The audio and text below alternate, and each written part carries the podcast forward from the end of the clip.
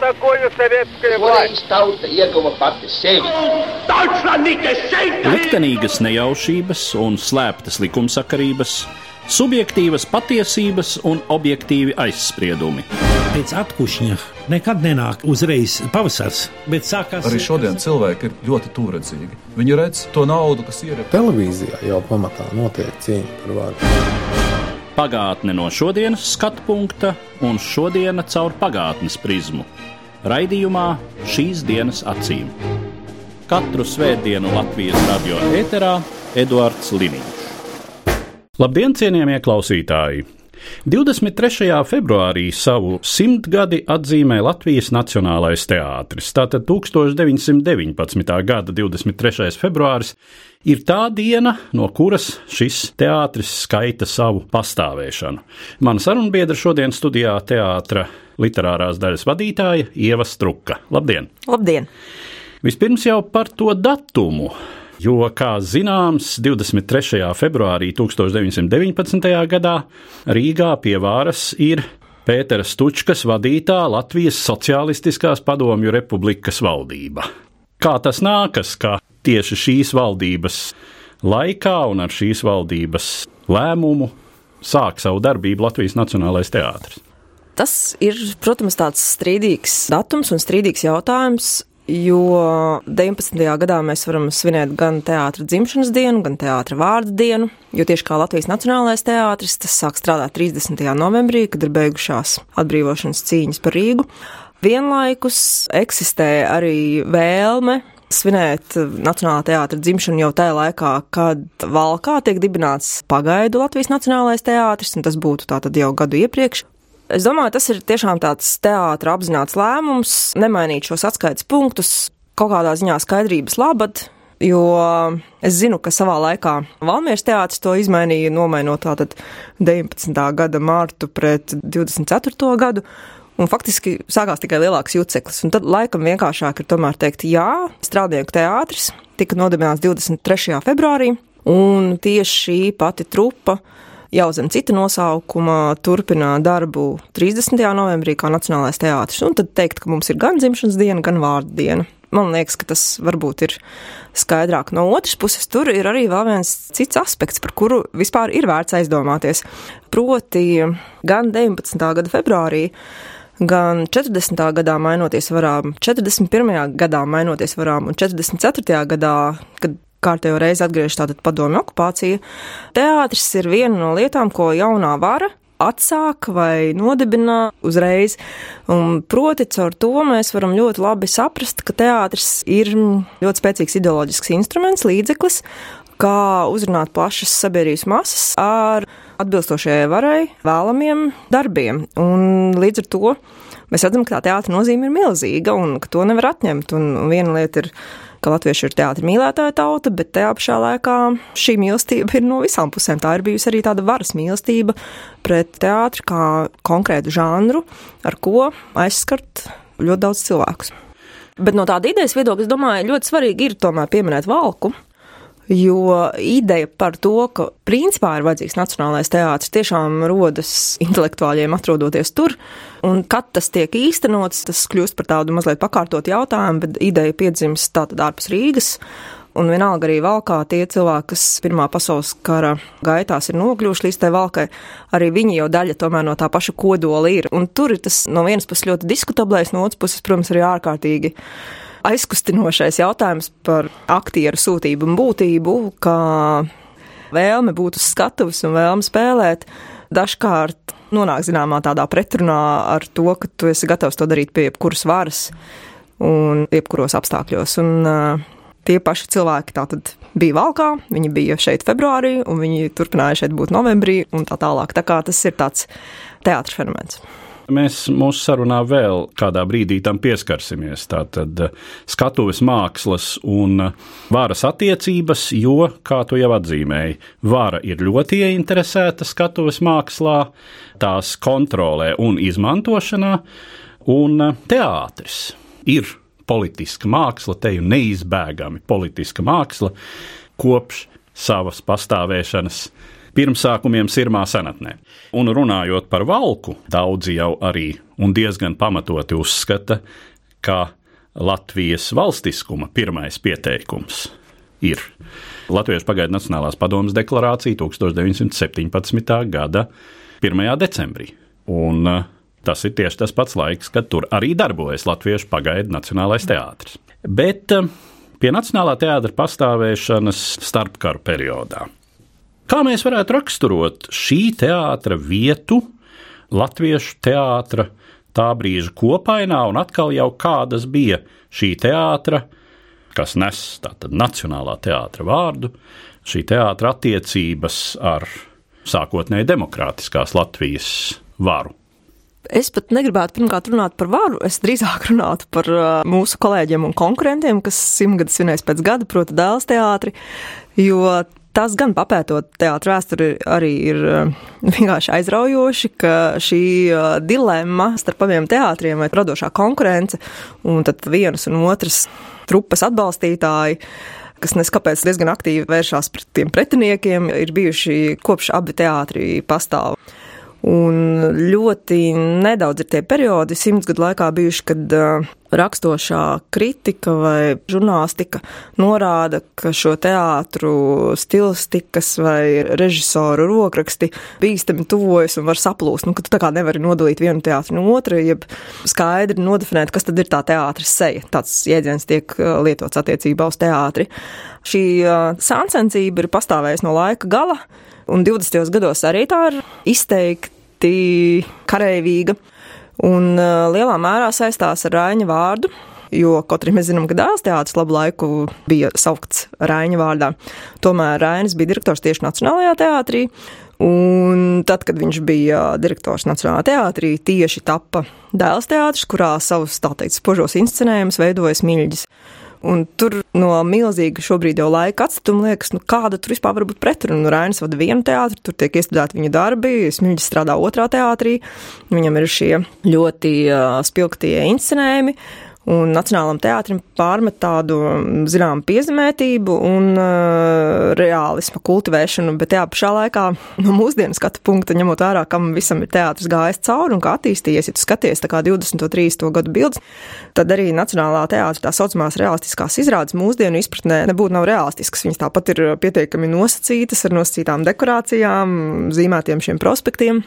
Visādā ziņā to šodien nesaukt par realistisko teātru, un liekas, ka viņas nemaz tik ārkārtīgi neatšķiras. Droši vien, ka vienkārši tiešām smilģa izrādes bija visticamāk ekspresionistiskākas, tiešām gan attiecībā uz aktieru spēli, bet netik ļoti varbūt tādā inscenējuma līmenī.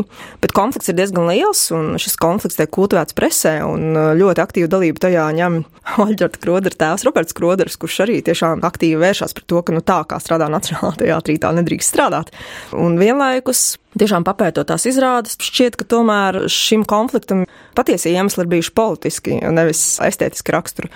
Un pirms desmit gadiem es strādāju diezgan daudz ar arhīvu materiāliem attiecībā uz Nacionālo teātri tas secinājums, ko es varu izdarīt, ir proti, ka tobrīd jaunā topošā pilsoniskā sabiedrība, ko mēs šodien sauktu par namu īpašniekiem vai fabriku īpašniekiem, kas bija, teiksim, jaunā latviešu elite, viņi nepieņēma to, ka Nacionālā teātri vada Rainis, kurš bija sociāla demokrāta partijas biedrs. Un šeit ir tiešām tāds vairāk politisks konflikts, kas arī lieku reizi patiesībā apliecina, ka teātris, vismaz liels teātris, ir instruments, un nevienmēr runa ir tikai par mākslu.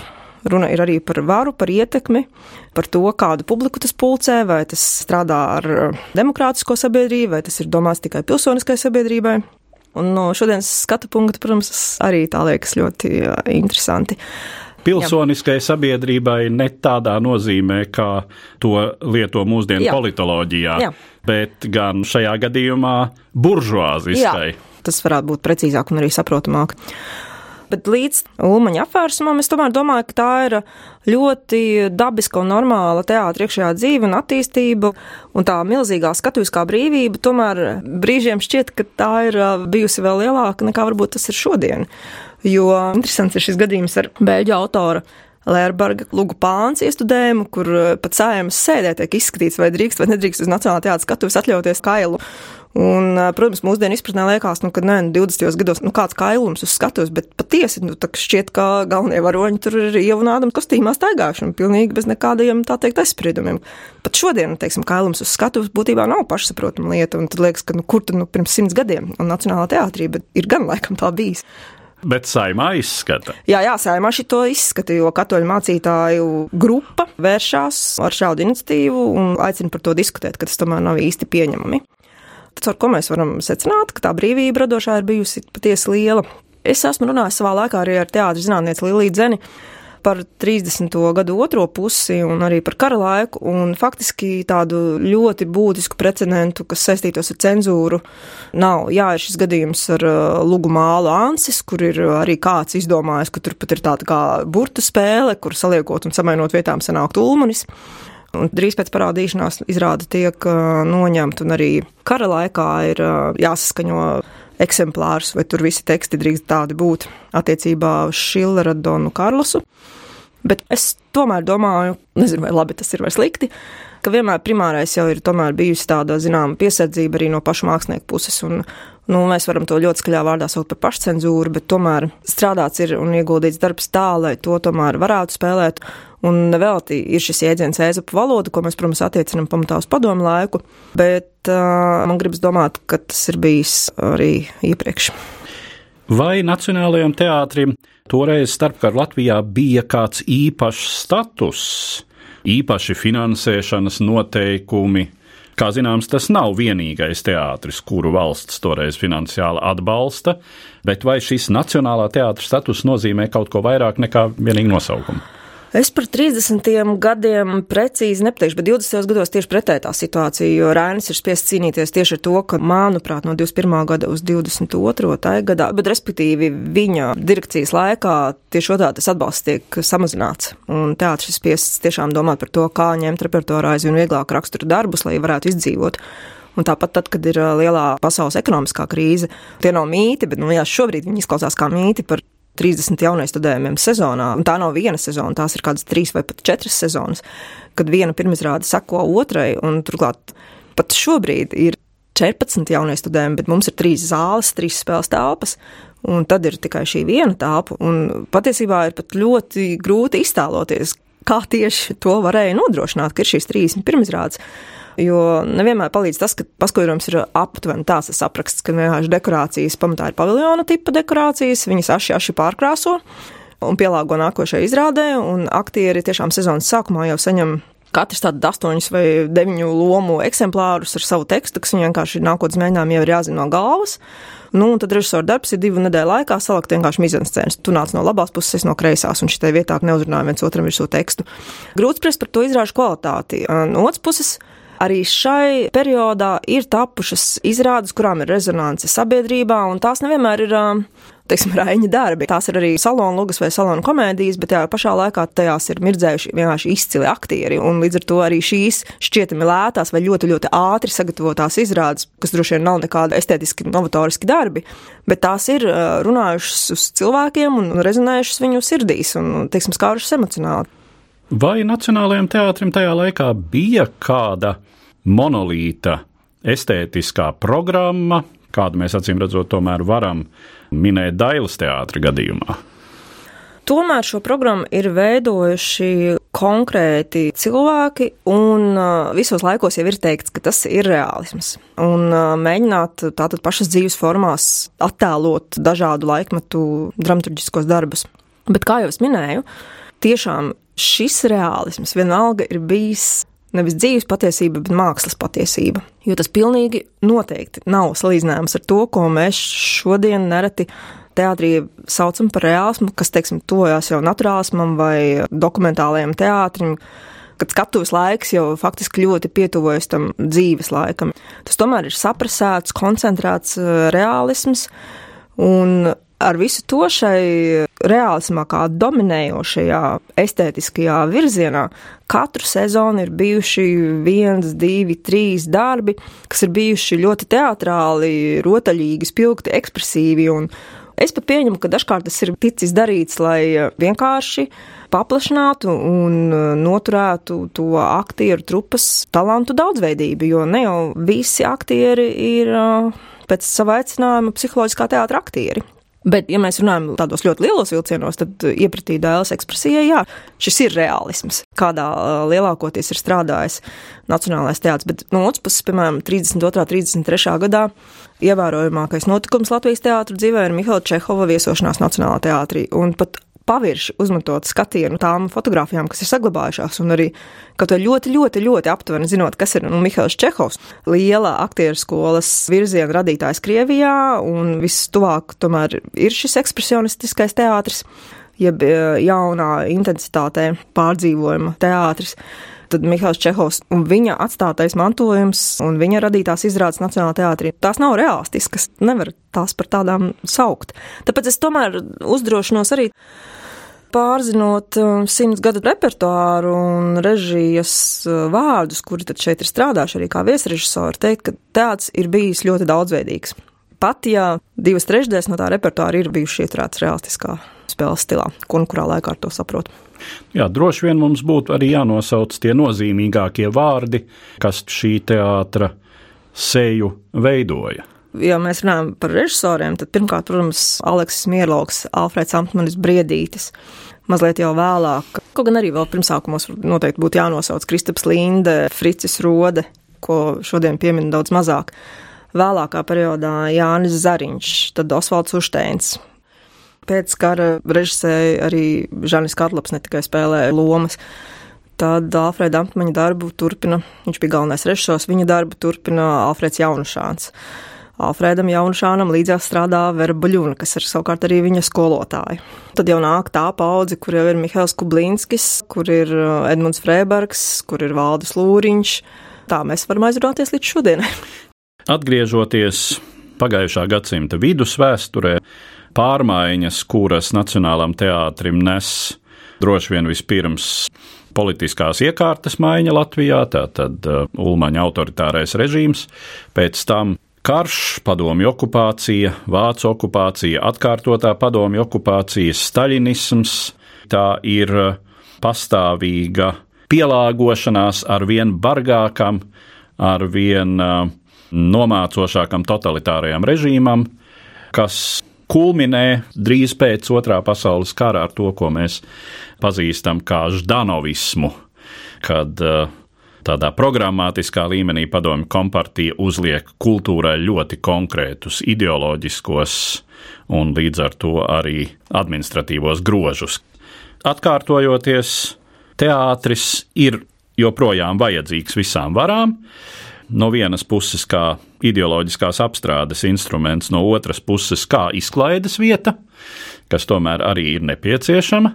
Kā teātris tam pielāgojas? Kā tas tiek cauri šiem varu un ideoloģiju pagriezieniem. Pirmā pielāgošanās, es tomēr domāju, ir repertuārs un repertuāra izvēle. Un nedrīkst aizmirst, ka Staļina pēdējos šais valdīšanas gados, jeb kas ir pirmie pēckara gadi, teātris jau pats nekādu repertuāru faktiski neveido.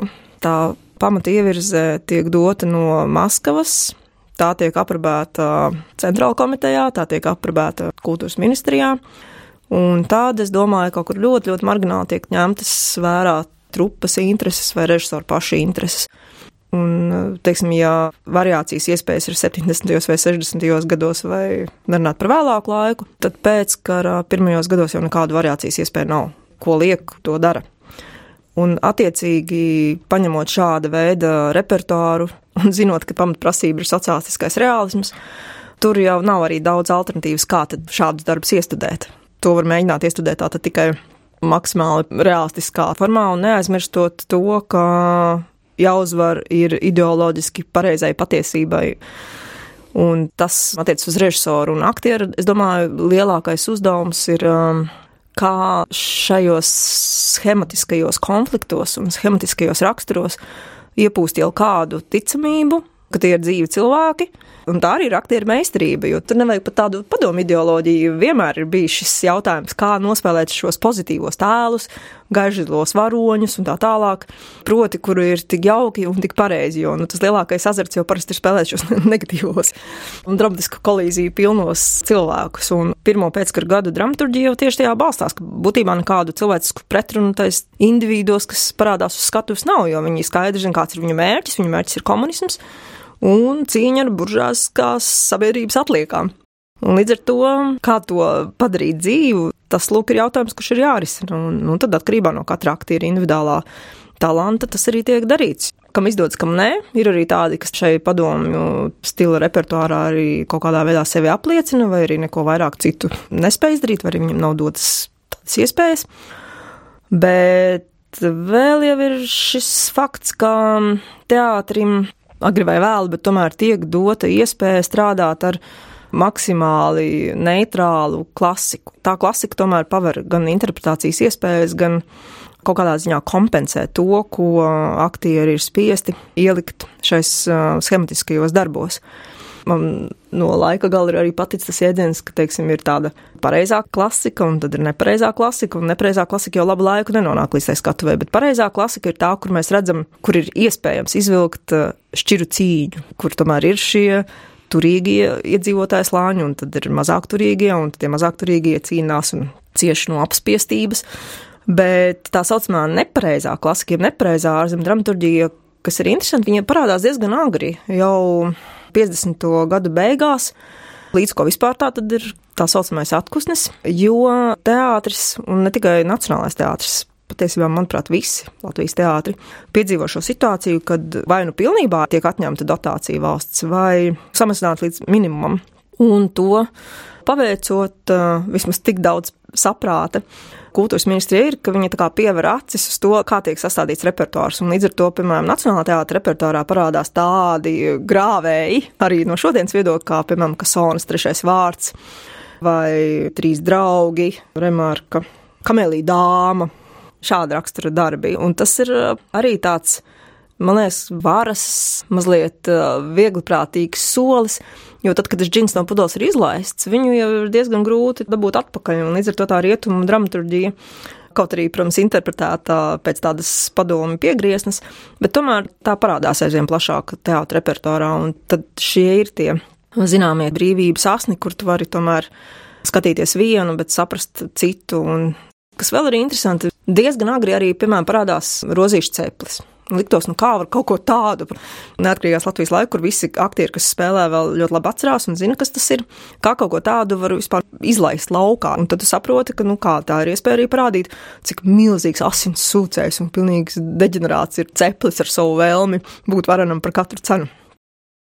Turpinājumā fragments no Pāvila Rozīša romāna Ceplis dramatizējuma toreizējā Latvijas PSR valsts akadēmiskajā drāmas teātrī 1953. gadā Alfrēda Amtmaņa briedīša režijā.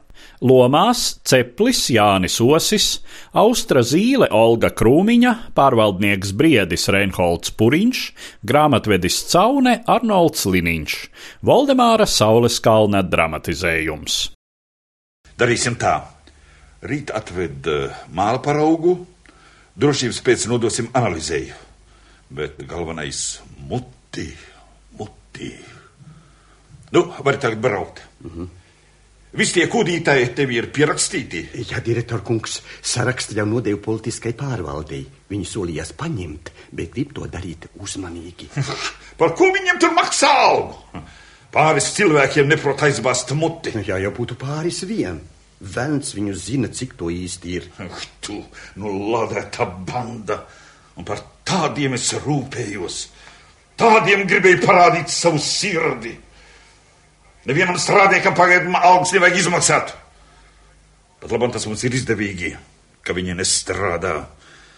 Jo vairāk no ķieģelnīcas aizvedīs, jo īsāks būs algu saraksts. Tā, bet pats galvenais briedi muti. Tur ir muti. Var iet. Pasaki, lai pie manis ienāk zīles jaunkundze. Sveiki, direktor kungs. Ak tā. Ak, lūk, māli neder. Ak, tā tā.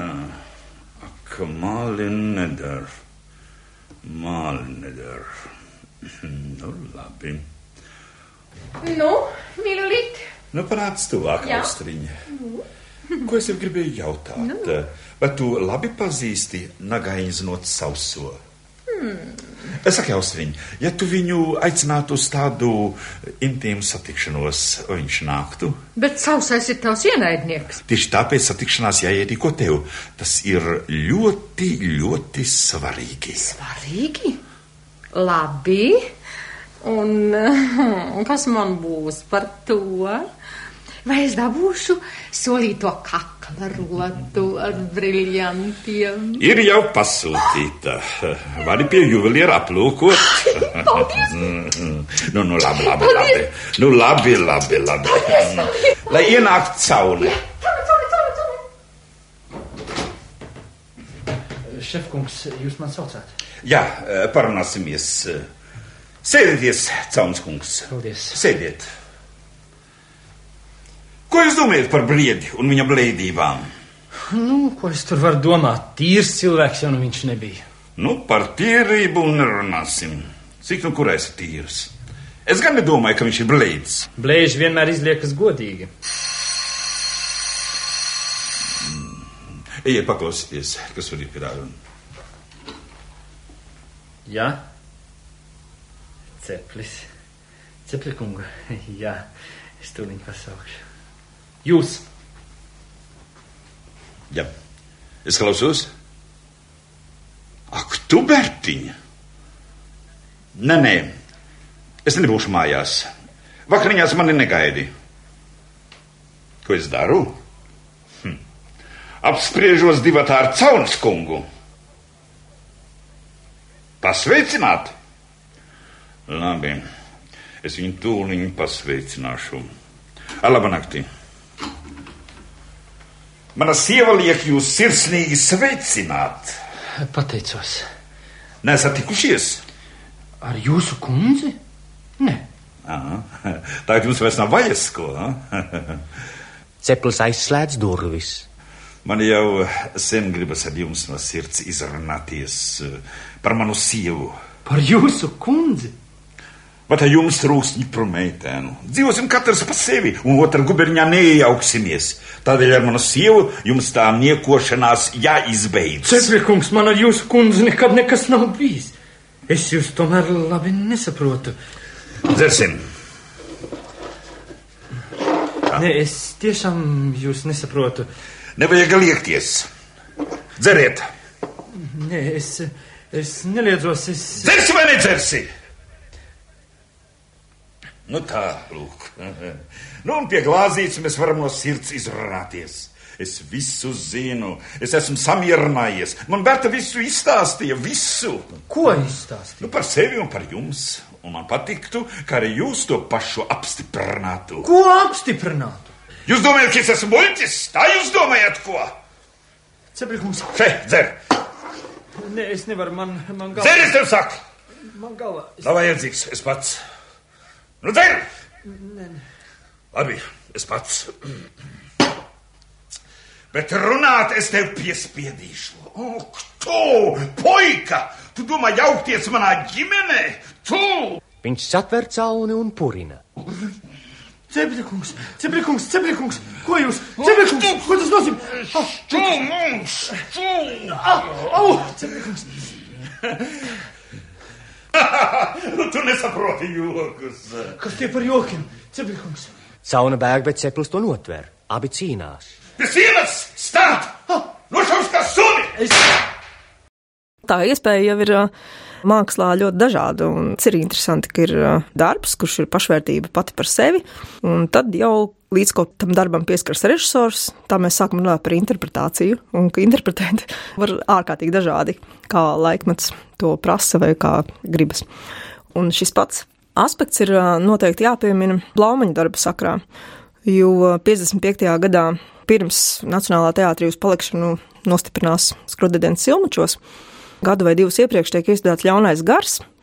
Un arī tas tā nav pašsaprotami, ka teātris iekļauj ļauno garu repertuārā. Un... Respektīvi, līdz tam Rudolfs Blaumanis netika atļauts Komēdijas netika atļauts. Tas ir jautājums, kā 48. gadā dabūt cauri ugunī. Es to simtprocentīgi nevaru pateikt, jo dokumentos neparādās, ka tieši, piemēram, 48. gadā būtu bijušas problēmas. Bet tad, kad 53. gadā grib iestudēt ļauno garu, acīm redzot, ir kaut kādas vēl nostādnes mainījušās, jo tad gan sākas problēmas teātrim. Un teātris ir spiests iet tiešām uz centrālu komiteju un ministriju cīnīties par iespēju šo darbu iekļaut repertuārā. Un tas tiek atļauts tikai ar vienu noteikumu, ka visi saimnieki tiks parādīti kā negatīvi vai atpalikuši personāži no budžu laikmeta, kāds mūsdienās vairs nav iedomājams, un ka kalpi, kas ir šais lugās, abās tiks rādīti kā tādi, kuri nav mierā ar pastāvošo situāciju. Un tas, varbūt, arī atbild pat ugunī, jo Edgars nav mierā ar pastāvošo situāciju, teiksim tā. Bet Blaumaņa komēdijās mēs to gluži neredzam, jo, starp citu, kas ir interesanti, 55. gadā, tad, kad tiek iestudētas skrudedienas silmčos, principā tiek teikts, kā tomēr tas var būt, ka tā saime ar saimnieci sēž pie viena galda. Un ēdam viens tos pašus ēdienus, pat ja tās pankūkas pēc tam tam dūdram tiek iznestas un Aleksim no citiem krājumiem. Nav šķiru cīņas. Jā, jā, nu nav, nav šķiru cīņas, to tomēr vajag izkāpināt. Un, protams, teātris ir diezgan paklausīgs, un viņš to arī izkāpina. Un Antonija spēlē Olga Leiskalni, un mazliet jau pārspīlējot tos bargās un nemīlamās saimnieces svaipstus, kaut arī stāsts jau, kā mēs zinām, ir par mīlestību. Līdz ar to izskan pirmā daļa manai sarunai ar Latvijas Nacionālā teātra literārās daļas vadītāju, teātra zinātnieci Ievu Struku. Sarunā pieskaramies nulle apritējušajai simtgadēji Latvijas Nacionālā teātra vēsturē. Mūsu sarunas turpinājumu klausieties trešdien, 27. februārī pēc trījiem pēcpusdienā. Katru svētdienu Latvijas radio viens par pagātni sarunājas Eduards Līniņš.